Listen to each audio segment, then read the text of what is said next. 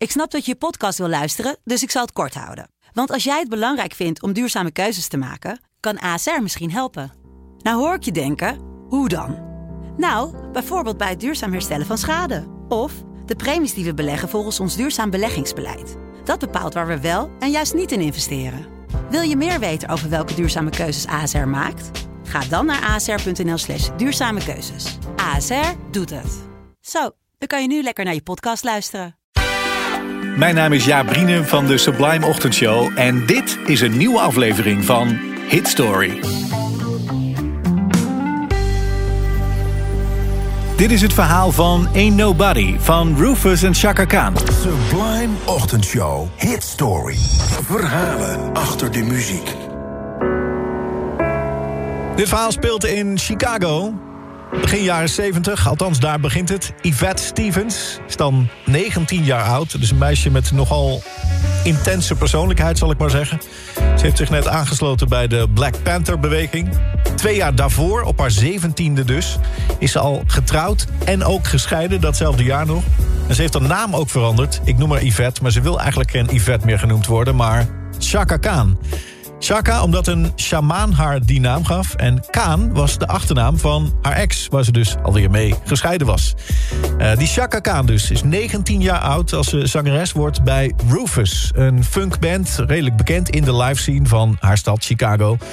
En het was uh, het begin van een grote periode van succes voor die band. Maar ook eigenlijk het begin van het einde ook van die band. En allebei door haar, door Chaka. Ze zingt geweldig, ze ziet er fantastisch uit. Ze kleedt zich stijlvol, behoorlijk sexy ook. Treedt graag op de voorgrond. Fotografen houden van haar, mensen vinden het geweldig. Platen verkopen goed, concerten verkopen uit. Rufus gaat als een raket met die nieuwe zangeres Chaka Khan. Maar eigenlijk gaat vooral Chaka Khan als een raket, als je heel eerlijk kijkt. De platenmaatschappij ziet dat ook en verandert de naam van de band dan ook in Rufus en Chaka Khan. Want ze willen haar nog wat meer op de voorgrond schuiven. De rest van de band begint er meer en meer een beetje bij te hangen. En dat voelen ze zelf ook. Kleine ruzietjes binnen de band worden steeds groter, kleine irritaties. Tot er een soort van koude oorlog ontstaat. De drummer met name weigert met haar te praten. Nou ja, dat is natuurlijk niet handig binnen een band. En zo neemt ze bijvoorbeeld een heel album op met de band, maar zonder de band. Ze wil dus niet eens zingen over de muziek van de band... omdat ze zo boos op ze is. Dus ze zingt met op haar koptelefoon alleen tik, tik, tik... een metronoom die de maat aangeeft. Nou ja, dat kan niet langer zo, dat ziet iedereen. En dus wordt de knoop doorgehakt. Ze stopt ermee, ze gaat solo verder. Chaka Khan en Rufus gaan uit elkaar. Maar de band vraagt haar nog wel voor één laatste ding... een afscheidsconcert. Dat zal dan worden opgenomen uh, en uitgebracht. En daarbij willen ze dan nog een paar liedjes opnemen in de studio. Nou, dat doet ze. Dan wel weer gewoon met de band. En voor het eerst in lange tijd een soort uh, vrede gesloten. En staan ze weer eens met z'n allen in de studio liedjes op te nemen. Rufus en Chaka Khan. En daar zingt ze een liedje in, geschreven door de toetsenist. Een liedje waar Quincy Jones overigens ook op aaste. Hij wilde het graag hebben voor Michael Jackson. Maar die toetsenist zei, nee, nee, nee... dit wil ik echt nog even met mijn eigen band opnemen... als een soort uh, afscheid van uh. En dat, dat liedje, eigenlijk een beetje een moedje... werd een van de grootste hits van de band. De band die op dat moment dus eigenlijk al uit elkaar gevallen was. En dan toch nog zo'n liedje maken. Rufus en Chaka Khan. Dit is dat liedje waar ik het over had. Ain't Nobody.